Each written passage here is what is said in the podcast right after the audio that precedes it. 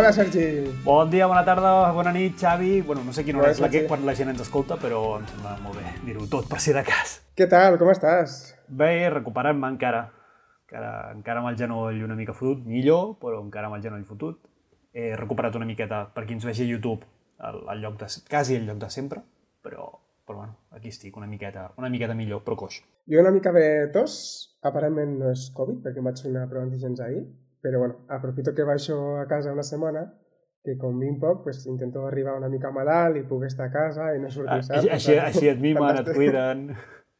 Bueno, així saben bueno. que és veritat, que no m'ho estic inventant, que estic realment malalt i que faig l'esforç, que valoren, que faig l'esforç de, de gravar per a ells. Ahà. Ells i elles, saps què?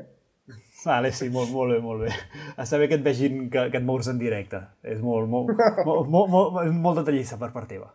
Molt bé, Xavi. Cada, ca, cada que ric faig esforços per a no tossir com un, com un caminero, eh? O sigui, estic com a lluitant entre, entre parlar, Això, tossir i... això, i això, això et passa per fumar tres paquets educados al dia. Exacte, exacte. El, el 2 estava al límit, el 2 era l'equilibri, 3 ja era passar-se, tio. Ahà, claro. Molt bé, molt bé. Molt bé. Ah, bueno, eh, no sé què, què, què hauríem de parlar avui, Xavi. Ah, sí, hauríem de parlar de la borrada, no? Sí, haurem de parlar que és el vuitè capítol. Correcte. Eh, o sigui que vuitè capítol.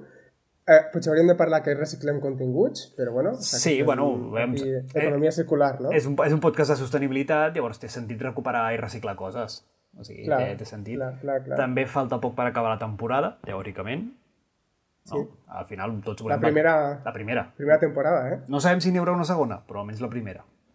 La primera, la bona, no? La- Sí, bueno, si és l'única segur que és la bona. De moment és la millor, no?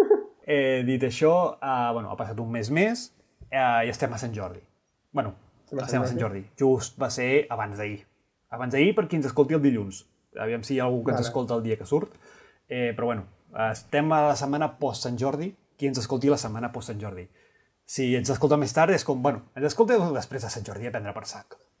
Clar, però és que si ens escoltes al desembre també és per Sant Jordi, tècnicament, no? És... Eh, o per Sant Jordi, que, que si estàs, més, estàs més a prop del següent Sant Jordi que de l'anterior. Bueno, ja, Bueno. ja ho fareu. Què és, què és Sant Jordi?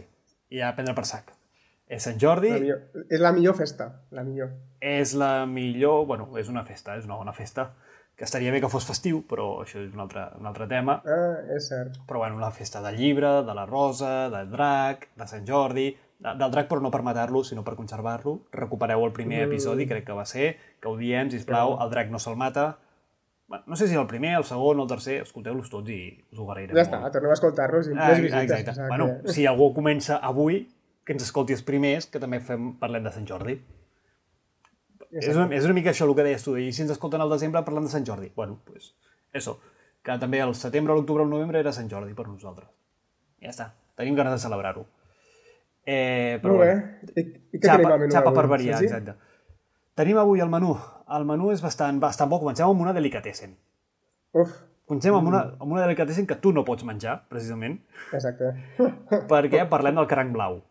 Cranc blau, espècie invasora, per qui no ens va escoltar la, el mes passat parlant de les espècies invasores, avui portem una notícia sobre una espècie invasora. Cranc blau, si plau, feu-lo un bon arrosset de, de cranc blau, ben, rosse, ben rossejat, és espectacular, és brutal.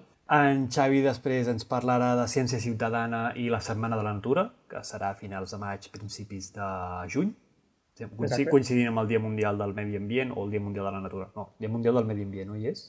Crec. 4 de 5 de juny. bueno, por ahí. surt, surt, sí, s'ajunta entre el Dia Internacional de la Diversitat Biològica, Que és 22 de maig, i, 22 de i el. Dia del Medi Ambient, que és 5 de juny, sí. Perfecte. Pues això. Setmana, setmana de la Natura que ho pilla tot. Fantàstic. Ah, exacte. Superben tancat, sí. Pum, ahí, un sàndwich. ahí. Clavaico. I després eh, jo portaré recomanacions de Sant Jordi. Veureu, qui ens, escol... qui ens vegi a YouTube hi haurà un salt en el temps, eh, qui ens escolti a Spotify no notreu una merda. A Spotify això- o, o Apple Podcast o la plataforma on estigueu, també us estimem, sí. vale? Parlem de Spotify, però la resta també us estimem. També sou benvinguts i benvingudes. Exacte, correcte. Així que, bueno, tot a punt, no, Xavi? Molt bé. Pues comença la notícia, no? Vale, estaria bé. I digue- digues-la bé avui. Jaime Azul, un cangrejo invasor que pone patas arriba el delta del Ebro. Vale, veieu? En Eh, Xavi és capaç de notícia- fer-ho. Puc llegir també, eh? puc ficar-me sèrio, eh? Molt bé. Notícia de theconversation.com, vale? Per si algú la vol, Vale. vol buscar. Vale. Eh, primer de tot, la jaiba azul és el cranc blau.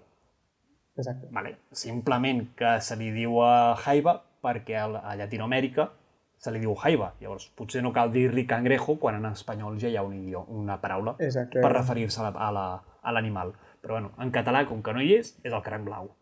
Cranc blau i ja està. Cranc blau. És un, Un- cranc un i és gran- blau, o sigui que... Exacte, i és un gran fill de puta, però és exquisit. Bueno, eh, clar, eh, és un gran fi de el que dius tu. Bueno, és simplement una espècie que està al nínxol que no li toca, no? O, o a l'espai que no li toca. Bueno, sí, aquí és un gran fill de puta, però el- el que fa és, Clar. intentar, és intentar sobreviure. L'únic que Clar, és, es peta tot, s'ho peta tot, s'ho peta tot. Sí, sí, sí, sí. A mi me recorda una mica al, al com feia pràctiques a l'IRTA, eh, o sigui que dedico este capítol a l'IRTA, que vaig estar fent pràctiques al Departament d'Ecosistemes Aquàtics, va ser, va ser molt guai. Eh, ja fa anys això, eh? Eh jo crec que seria 2013. I, i me recorda ja perquè fem, fem mostejos de diferents, diferents peixos que es veuen afectats, s'han vist afectats per la, pel cranc blau. Eh, com per exemple el fartet, que no sé si tu coneixes el que és el fartet, eh, Sergi. Sí, de fet el, el conec també que tenim un monogràfic en, el, en la web. Ah, mira, mira, que ben És- tirat.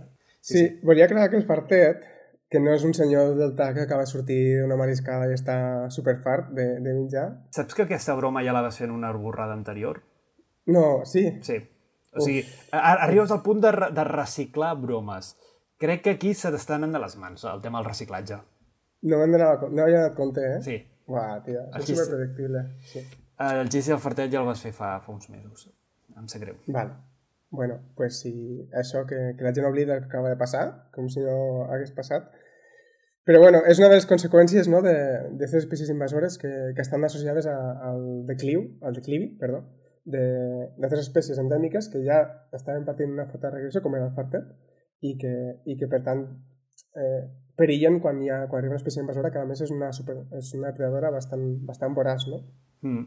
Però a més, el curiós és que també afecta altres espècies invasores.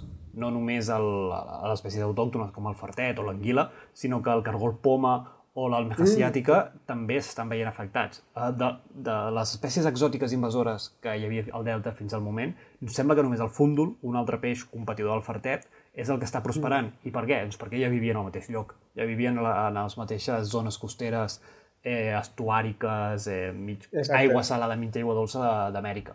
Llavors, són col·legues, Són, són amiguis. són amiguis, exacte. amiguis. Però bueno, el problema del cranc blau no és només eh, ecosistèmic, és també econòmic. Al final està provocant problemes als pescadors, mm, pescadors i, i gent que, tra que, que viu del, del mar bastant importants. I, de fet, es, aquí a Catalunya es va decidir pescar-la comercialment al 2019 per veure si d'aquesta manera es podia, es podia resoldre aquest problema, que de moment, de moment no. És a dir, s'ha vist que el 2017 es pescaven fins a 16 tones il·legalment, entre cometes, i que acabaven caient a les, a les, a les xarxes, però a la que es va mm, legalitzar la pesca per poder-la consumir, que repeteixo, és exquisit, si us plau, si algun dia ho trobeu. Fins fa, fins, fa uns, uns anys era superbarat, ara no sé si el preu ha pujat, però el, això, des del 2019 el, el, s'estan pescant 450 tones a l'any. Es, va, es va passar de 16 a 450. És a dir, hi havia molt de bitxo. Molt. Que el 2017 Ja. va ser quan va començar a explotar la seva, la seva població. Però la pesca no és només, no és la, ha de ser la, la eina de gestió.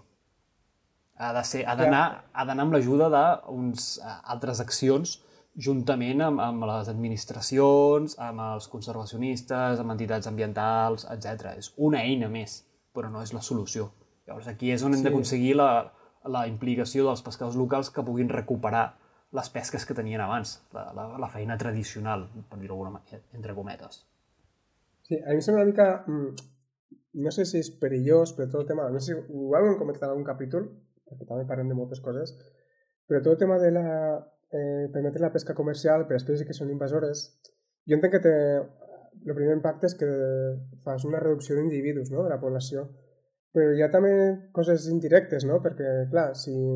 Que jo no dic que sigui el cas, eh? però que és una cosa que hem que s'ha de tenir en compte, no? Igual, clar, si tu en moment eh, favoreixes que hi hagi individus salvatges perquè pot ser el profit econòmic, pues potser no t'interessa que desaparegui l'espècie, no? Potser t'interessa que continuï havent individus salvatges que a més se crien fora, que no has de mantindre i que pots pescar i treure benefici, no? Clar, aquí precisament és per això la pesca no ha de ser l'única eina de gestió. Ha d'anar acompanyada d'un bon pla d'extermini. De, em sap greu la paraula, però és el que tocaria. Sí, bueno, al final... Sí, eh, però la, les poblacions s'han de reduir i amb la pesca sola no es poden aconseguir. Per això deia que s'ha de treballar amb els pescadors perquè recuperin les pesques, el, el, les activitats que tenien abans de, de l'aparició de, del cranc blau. Però, però sí, bueno, totalment. Si, això, si esteu escoltant ara mateix el, el podcast abans de dinar, sisplau, foteu-vos bon, ara un bon arròs de cranc blau, perquè paga molt la pena. En sèrio. Al final tenen, tenen patrocini d'alguns restaurants del Delta de l'Ebre que fan. Ah, no, com... pensava que anaves a dir del cranc blau. Ens patrocina. No, no, no. De rotllo Camp Paquita o el Pati d'Agustí, que són dels millors restaurants que hi ha al Delta de l'Ebre. Si, no, si algun dia heu d'anar a fer un arròs, Sí, sí. us ho recomano bastant. Sisplau, pagueu-nos. A veure si ens, si ens patrocina, no? I sempre buscant el patrocini... Ah, exacte. Capítols, no? pa patrocini, dia... pa patrocini inútil, perquè ningú ens puto cas, però... Clar. Però bueno, e-, és bonic eh, somiar, no? Una mica com, com fer resines a, a Lo Serrano. I acabo de, Hòstia santa. de fer una relació molt bona en el capítol anterior, o sigui que realment era, sí, i, era molt bon xiste. I jo crec que ara mateix has, has fet baixar tant a la, la notícia i com que anem 3 minuts tard que potser podem pas canviar de sí. tema i que, així, així, així, no, així no poses més la pata. Exacte. Sí, sembla bé. La pota, passem al monogràfic, te sembla? Perfecte.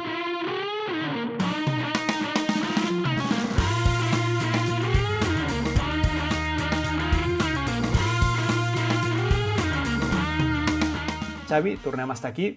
Uh, de què hem de parlar avui? Pues vinc a parlar de dues coses. Eh, hem hagut d'adaptar el capítol perquè en principi anàvem a parlar de la Setmana de la Natura del BioBlitz, mm -hmm. però eh, se va endarrerir el BioBlitz per temes, bueno, pues, tota la situació que estem vivint i, i per temes logístics se van endarrerir. No sé el, el, el, BioBlitz de, el BioBlitz de Barcelona, perquè a l'Alt Empordà sí. fa unes setmanes ja se'n va fer un. Ah, uh, ah, vale. oh, bueno. que, que, Uh. No sé si has buscat informació. Què és el concepte del BioBlitz? Així ràpid i després ja toquem els altres dos temes. Pues eh, BioBlitz eh, són inventaris que es fan en, de, de natura en la ciutadania, no? Seria una mica això. O sea, sí. sortir a fer inventaris pues, de la fauna i flora que, per exemple, pots trobar a la ciutat i aprofitar aquests inventaris de fauna i flora per a, in, a participar en la ciutadania i que ells també siguin còmplices una mica de com va la ciència, no? Exacte, I, i augmentar el coneixement per saber quines espècies poden trobar, perquè és molta gent, teòricament, com, com més gent hi hagi, molta gent visitant un lloc concret, a més es fan grups en funció del que t'interessa, del que tu vulguis buscar. O sigui, es fan grups per identificar lepidòpters, papallones, es fan grups per formigues, es fan grups per fongs, es fan grups per algues, per mm. amol amolses, plantes, eh, bueno, una miqueta, una, ocells, òbviament, una miqueta de tot. Llavors, és, està, està guai. I això, de fet, ajuda a molts projectes de ciència ciutadana, no? Sí, i és, és molt important la ciència ciutadana. Eh, bueno, què, què és la ciència ciutadana? Igual la gent ja pel, pel nom ja es fa una idea, però entenem ciència ciutadana aquells projectes de ciència, és a dir, que com la ciència el que fan és buscar eh, hi ha una qüestió, volen analitzar una informació i volen obtenir dades sobre alguna problemàtica, en aquest cas ho portem nosaltres al, al tema ambiental, no? I té aquesta afegida ciutadana perquè en aquest procés de, de científic, en alguna part del procés, que generalment són sent la presa de mostres, però en una part del procés, hi ha incorporació de la ciutadania encara que no siguin científics per se, no? És a dir, per exemple, això, jo un exemple s'entén molt bé. Hi ha aplicacions per a, per exemple, fer, en, avisar de les aus que has vist, no? espècies que has vist. O, per exemple, i ara ve la, la promoció, eh, hi ha una aplicació... M'acabo de ficar al guió fa res, eh, Sergi? No, no l'hauràs vist. Eh, sí, si no ho arribes a dir, pues, sonava improvisació pura i dura i hagués, hagués quedat guai, sí. però bueno, ara ja no improvisem però, una merda. No, no és tan guai, no és tan guai. Al César lo que és el César. eh, bueno, hi ha una aplicació que es diu Plastic Origins, per exemple, que està, està molt guai. Ara no està en anglès, però pròximament estirà en, en castellà també i el que fa és, eh, pues, bueno, la gent que fa travessies pel, pel riu en kayak o, o el que siga, pues, portar una aplicació per anar mostrejant els residus, o sigui, per anar apuntant els residus que trobes, no? els residus marins, i així tens una idea, tenir una idea dels residus que hi ha als rius, no? sàpiguen que són focus de, de contaminació cap a, cap a l'oceà, no? Són exemples de projectes superguais perquè tens dades que d'altra forma no podries tenir perquè tu saps, Sergi, que el, el procés de mostreig és un dels que eh, necessita més, més temps, no? més dedicació. Sí, i, vegades, i, no? i més gent, o sigui, sempre és una falta de recursos el que hi ha per poder mostrejar bé, és a dir, falta gent, falta temps, falten materials, no tots els projectes poden acceptar mm, tirar de ciència ciutadana, de, de, del know-how, diguem-ne, o de la mà d'obra, entre cometes, de la, de la gent, de les, dels voluntaris i voluntàries que, que hi participen, eh, però quan es, pot, es poden utilitzar, la veritat és que s'agraeix molt. Aquí a Catalunya tenim un, un projecte que és mític, que és, el, és, la, bueno, que és la, la, la pàgina web d'Ornito, amb el mm, projecte mm, News, amb tots els transectes que es fan, eh, el SOC, que se'n diu, eh, tots aquest, aquest projecte que, que porten també juntament amb el, el porten juntament amb l'Institut Català d'Ornitologia, l'ICO, no confondre amb l'Institut Català d'Oncologia,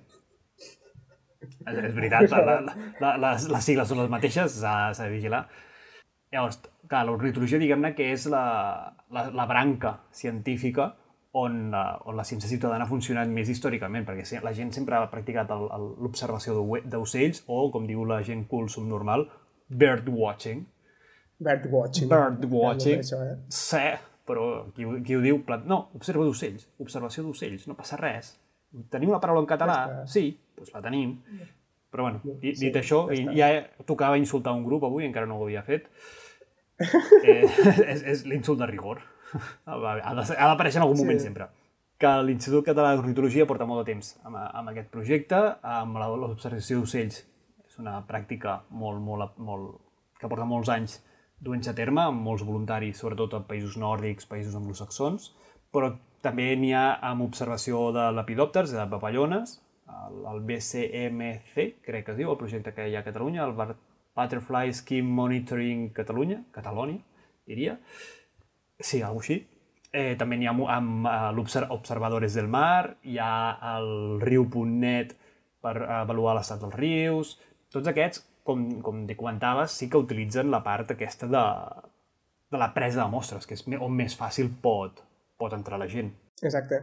Eh, ja, ja que estem, eh, m'havia fet promoció d'un projecte molt guai també, que són de l'ovella ne verda. L'ovella negra. L'ovella negra. negra, dic, no, tia. Ah, quan fots tres cerveses d'allà és espectacular, eh, com veus. I no he, no he begut res, tio, simplement és, és eh, empanamenta mental. Sí. L'Ovella Verda, que és un podcast molt guai, vam fer una col·laboració més molt interessant. Sí, en, en, en, van, parlar, van parlar d'elles, són molt bones. Sí, guais. I tenim un projecte que es diu Ciència a l'abast i han estat donant a conèixer el projecte Ciència Ciutadana a Catalunya. O sigui que us podeu trobar, ho podeu trobar a Instagram o veia barra baixa verda. Eh, és fàcil, si tenim Instagram, doncs busqueu això i podeu trobar els vídeos de Ciència a l'abast que estan, estan superguais. I jo, ja, si us sembla, aniria a parlar del que és la Setmana de la Natura, que és una setmana molt guai. Aniré ràpid perquè crec que hem, hem, o sigui, el, que hem parlat donava molt de sí, però bueno, què és la Setmana de la Natura? pues bueno, és, són uns dies que se celebren moltíssimes activitats, s'organitzen moltíssimes activitats a, a, arran de Catalunya. Eh, una mica comentàvem a l'entrada que està entre el 22 de maig i el 5 de juny. El 22 de maig, que és el Dia Internacional de la Diversitat Biològica, i el 5 de juny, que és el Dia Mundial del Medi Ambient. O sigui que hi ha unes efemèrides aquí molt, molt claus, no? I, i la idea pues, és una mica això, que s'organitzen moltíssimes activitats que podeu buscar a la web de la Setmana de la Natura, eh, unir-vos, o no sé si esteu a temps d'organitzar-ne, això no ho tinc clar, però bueno, que tant com entitats com a, com a ciutadans i ciutadanes podeu participar i donar difusió perquè, perquè està molt guai, no? Nosaltres vam participar fa, fa uns anys, no? Sí, nosaltres vam participar fa... Bueno, quan just començàvem amb, amb Creative Bio, 2015, 2016, 2017, una, una cosa així. La tutoria portem 5 anys, o sigui, no sé si va ser el segon o... que vam fer el, el taller de vídeo de natura, que el vam fer a la, a la Biblioteca Sagrada Família, amb Animal Latitude, una altra entitat molt guai, que fa uns tallers i va fer unes xerrades superxules, uh, la, la veritat. I sí que és veritat que la Setmana de la Natura permet a totes les entitats donar-se a conèixer, presentar, fer projectes, com a... que ja podrien fer habitualment, però tenen l'excusa que és un moment guai per, per fer-ho. Llavors, eh, si la gent es pot apuntar, us, us podeu apuntar en la- l'activitat que vulgueu, tenen un mapa, podeu mirar per dia també, o sigui, el que us vingui més a gust, us quedi més a prop, quan us vagi, us vagi millor. La veritat, eh, teniu, teniu allà, és fàcil. Molt bé, doncs jo crec que podem donar per finiquitar aquesta secció. Te sembla, Sergi? Em sembla, em sembla bé i potser ara tocarà fer un viatge, per qui ens vegi, un viatge al passat.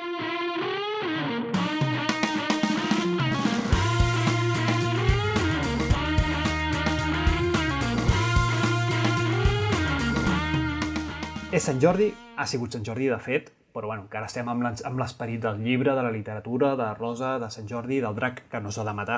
Ho repetirem mil i una vegades fins que quedi clar. Si us plau, no el mateu. De fet, hi ha un, crec que no sé si n'he parlat, però hi ha un conte de Dino Buzzati que es diu La mort del drac. És precisament el, la, la llegenda de Sant Jordi des del punt de vista del drac espectacular. Diu, preguntant-se per què el maten. Perquè la maten. De fet, és dragona i té les cries allà espectacular. Però bueno, el que volíem comentar avui, aprofitant que ha sigut Sant Jordi, és... Bé, el, el que farem és fer un, re, un recull de llibres i de, de novel·les, de còmics, que podríeu haver comprat, però podreu comprar a partir d'ara, que vinculen una Clar. mica la natura amb la literatura.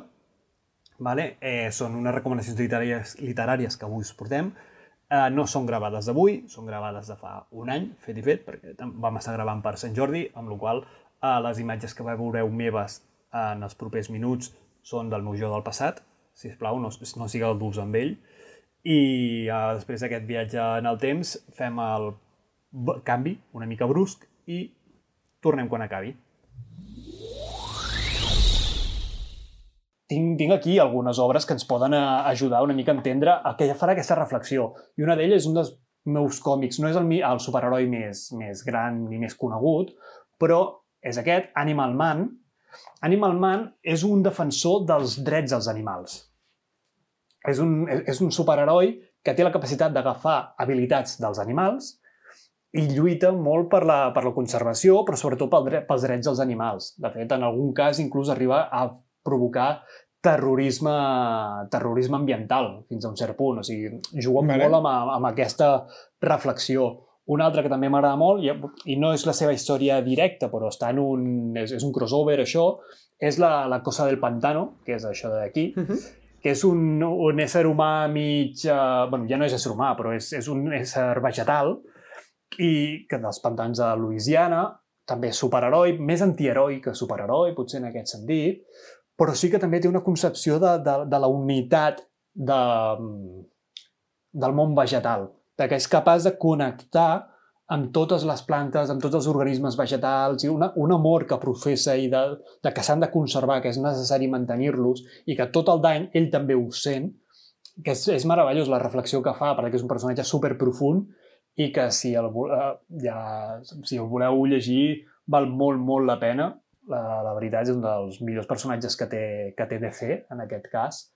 I té, s'ha de mirar la, les versions de... Ah, no me'n recordo. El mateix que va fer Sandman, crec que és, no me'n recordo l'autor, però bueno, que té, hi ha un arc argumental, diguem-ne, d'un autor que és brutal Mm. dins, de- dins d'aquest eh, d'aquest personatge.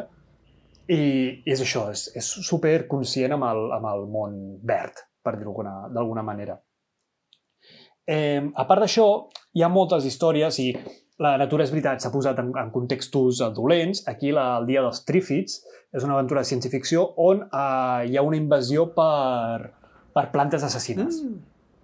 i plantes amb consciència, plantes que es mouen, etc, però són plantes assassines. Uh, bueno, uh, és veritat mm, que aquí sí que se la posa més en, en, en una situació negativa a la natura, però és una, una història més aviat juvenil, però que reflexiona bastant també en aquest sentit, que està, està força bé, però sí que és això, té, li dona més un punt negatiu a la natura, però que no necessàriament si es contextualitza bé es pot donar aquest punt de reflexió, no? de ser dolent per ser dolent directament. Clar. M'ha semblat curiós que hi ha, hi ha com moltes, molts d'herois i, i històries que no sabia que tractaven la natura així d'una forma tan, tan curiosa, no?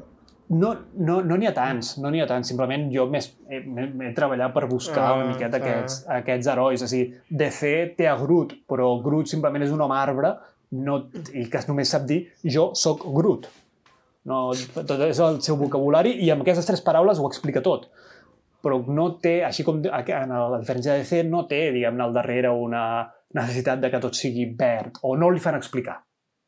Saps? No, no aprofundeixen. Llavors, sí que hi ha personatges d'aquest estil, però no tots aprofundeixen una mica el que deia, de posar en context. Em recorda una vale. mica, no sé si va al mateix rotllo, però els ens del Senyor, del Senyor dels Anells, que són superclaus en la història, sí. perquè ells, o sigui, són com a són com uns individus màgics que viuen, doncs no sé si milers d'anys o alguna així, o sigui, són quasi ben mortals, tenen un ritme de vida molt més lent, o sigui, sé que són superlents, caminen superlent, eh, poden passar anys prenent decisions, però és, és, és, és curiós perquè a, a la seva història, a la història dels Senyors Anells, eh, dicen que pren molta importància perquè ells com a que es fiquen... Eh, intenten ajudar els protagonistes perquè estan farts de que els dolents i els estiguen eh, fracturant el bosc, estan aprofitant arbres per a fer fusta, per a fer les seves històries de guerra i, i és supercuriós perquè també representa la natura, o sigui, a més un ent és un arbre gigantesc eh, que representa això, no? La, com la natura al final s'organitza també per a lluitar i ajudar a l'home que representa els protagonistes, no? Crec que és, és curiós també. Sí, correcte. És, és, una, és una mica, en el fons, és, és una mentalitat més del segle, segle XX, segle XIX, la de la natura contra el progrés. Mm -hmm. Que no, no necessàriament han, han de xocar, però en un moment en què la, el progrés tecnològic era el millor que, que tenia la societat, anar contra el progrés per salvar un bosc, una planteta o un animal, a, a, aquest moment de, de, de les hordes de Sauron contra l'exèrcit d'Ents, de, eh, és realment exemplifica això. Sí, totalment. Llavors, és un moment aquest de, de la lluita entre progrés i, i natura que està, està molt, molt present. No em vull allargar massa més. Uh, pues ho has fet, eh? Ho has fet, eh? Sí, ja ho sé, ja ho sé, però encara em queda una, una, una, un parell de Merda. coses. Una... Sí, ho sento, és el que hi ha. Eh, és que aquesta, aquesta ha sigut la, la, la, l'adquisició de Sant Jordi d'avui, ah, que me'n van parlar, es veu que em van parlar de que existeixen uns superherois que lluiten en la Guerra Civil, és un còmic espanyol. Mira va, va, va semblar molt curiós i l'he volgut aconseguir i em van passar, curiosament, aquest. Un personatge que es diu Lince, però el millor és la frase en groc que hi ha a sota. M'encanta. Que bàsicament posa Lince, la naturaleza contra el fascismo. Boníssim. No me l'he llegit encara. Ja en algun moment us explicaré de què va, però bueno, que també tenim un personatge espanyol que, o sigui, és espanyol en aquest cas, no és català. En català sí hi ha un superheroi que és Drac Català, no he tingut encara el plaer de llegir-lo, però, però bueno, que també a, a, aquí es fan, es fan uh, còmics en, en aquest estil i posen la natura.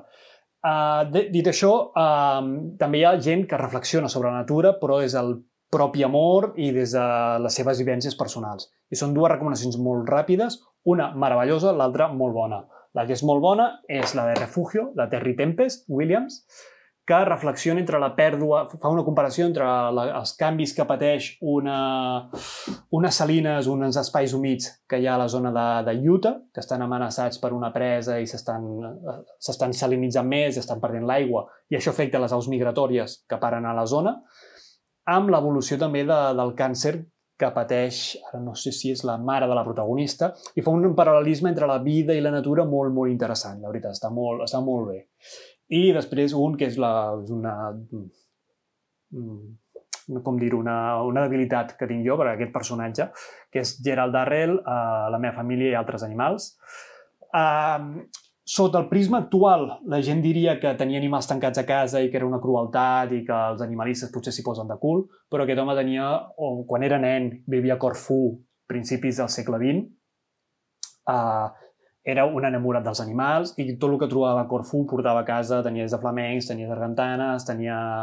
Uh, li van arribar a portar un parasós de no sé on, uh, sí, aquest potser era el cas que menys cosa feia, però diguem-ne que la mentalitat també en aquell moment de lo que era tenir animals i la relació era diferent. Però això intentem posar-ho en el context de l'època, no jutgem el segle en aquest sentit, segle XX, amb, lo, amb la nostra forma de pensar, però que sí que aquesta, aquest home, Gerald Darrell, tenia un amor brutal pels animals i és fundador d'un dels millors zoos que hi ha al planeta, eh, molt respectuós i que treballa sobretot amb espècies en perill crítics d'extinció, criant-les i ajudant a la seva reintroducció. Mm, Llavors, diguem que és, és, un, és un personatge, és una crònica, perquè són els seus anys que va viure a Corfú amb la, amb la seva família, i és un llibre meravellós per entendre la, la natura. Que guai! Recuperem el viatge, tornem al, al present. Ja us hem presentat aquestes diverses recomanacions que no són actuals, són de l'any passat. Eh, no us fiqueu amb el, meu, amb el meu jo del passat. Eh, si ho veieu, clar, si no ho veieu us ha semblat tot igual. Simplement estem fent aquí les gilipolles sí. d'una manera increïble. Total, Sí, pot, que... potser, potser, tens la veu, potser tens la veu una mica més greu o alguna cosa, eh? La gent ho nota. Hi ha alguna gent que diu, oh, Sergi 2022 té una veu més greu. És que, clar, És tinc, ti- tinc una veu molt més radiofònica i Ah, d'aquesta hombre, manera us hombre. acompanyo a les nits mentre intenteu dormir. No, deixem de, banda, deixem de fer el burro, que avui, avui estem molt tontos també. No, imagineu si estem tontos que hi ha moltes coses de les tonteries, de les borrades que hem dit que no, estarà, que no haureu escoltat ni haureu vist. O sigui, de tenir en compte. sort, eh? Per sort, exacte. Però bueno, coses a mencionar i a corregir de les recomanacions que, que us he fet, que pel moment i per lo que fos, ho vaig dir malament. Uh, la Cosa del Pantano, la saga en concret que, que us menciono, no és la de Neil Gaiman, que és l'autor de The Sandman, un altre gran còmic, una altra gran obra mestra de, de la novel·la gràfica, sinó que és d'Alan Moore. És la saga de La Cosa del Pantano d'Alan Moore. Espectacular. Els dos són britànics i no sé què tenen els dibuixants britànics, que són una puta meravella Mm. Però, però bueno, que La cosa del pantano era de- d'Alan Moore.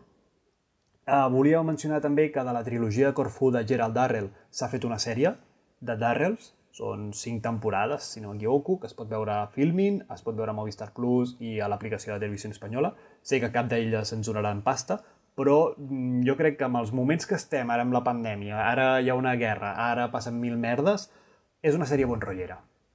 La veritat. Sí, sí. És una sèrie super bon rotllera que et deixa una sensació de guai i jo estic absolutament enamorat de Gerald Darrell i del puto zoo que es crea a casa. També enteneu que l'època és diferent, intenteu no pensar que perquè té animals amb la mentalitat d'ara. Vale? Estem parlant de mm, a, a, just abans de la Segona Guerra Mundial. Vale? Són, són coses diferents, o sigui, és una mentalitat diferent la que hi havia en aquell moment. Ja, ja. Però, però és curiós, fixa't que estàs dient això de no pensar com... Perquè, joder, és de la Segona Guerra Mundial i tot això, tot això que està passant de Rússia és com...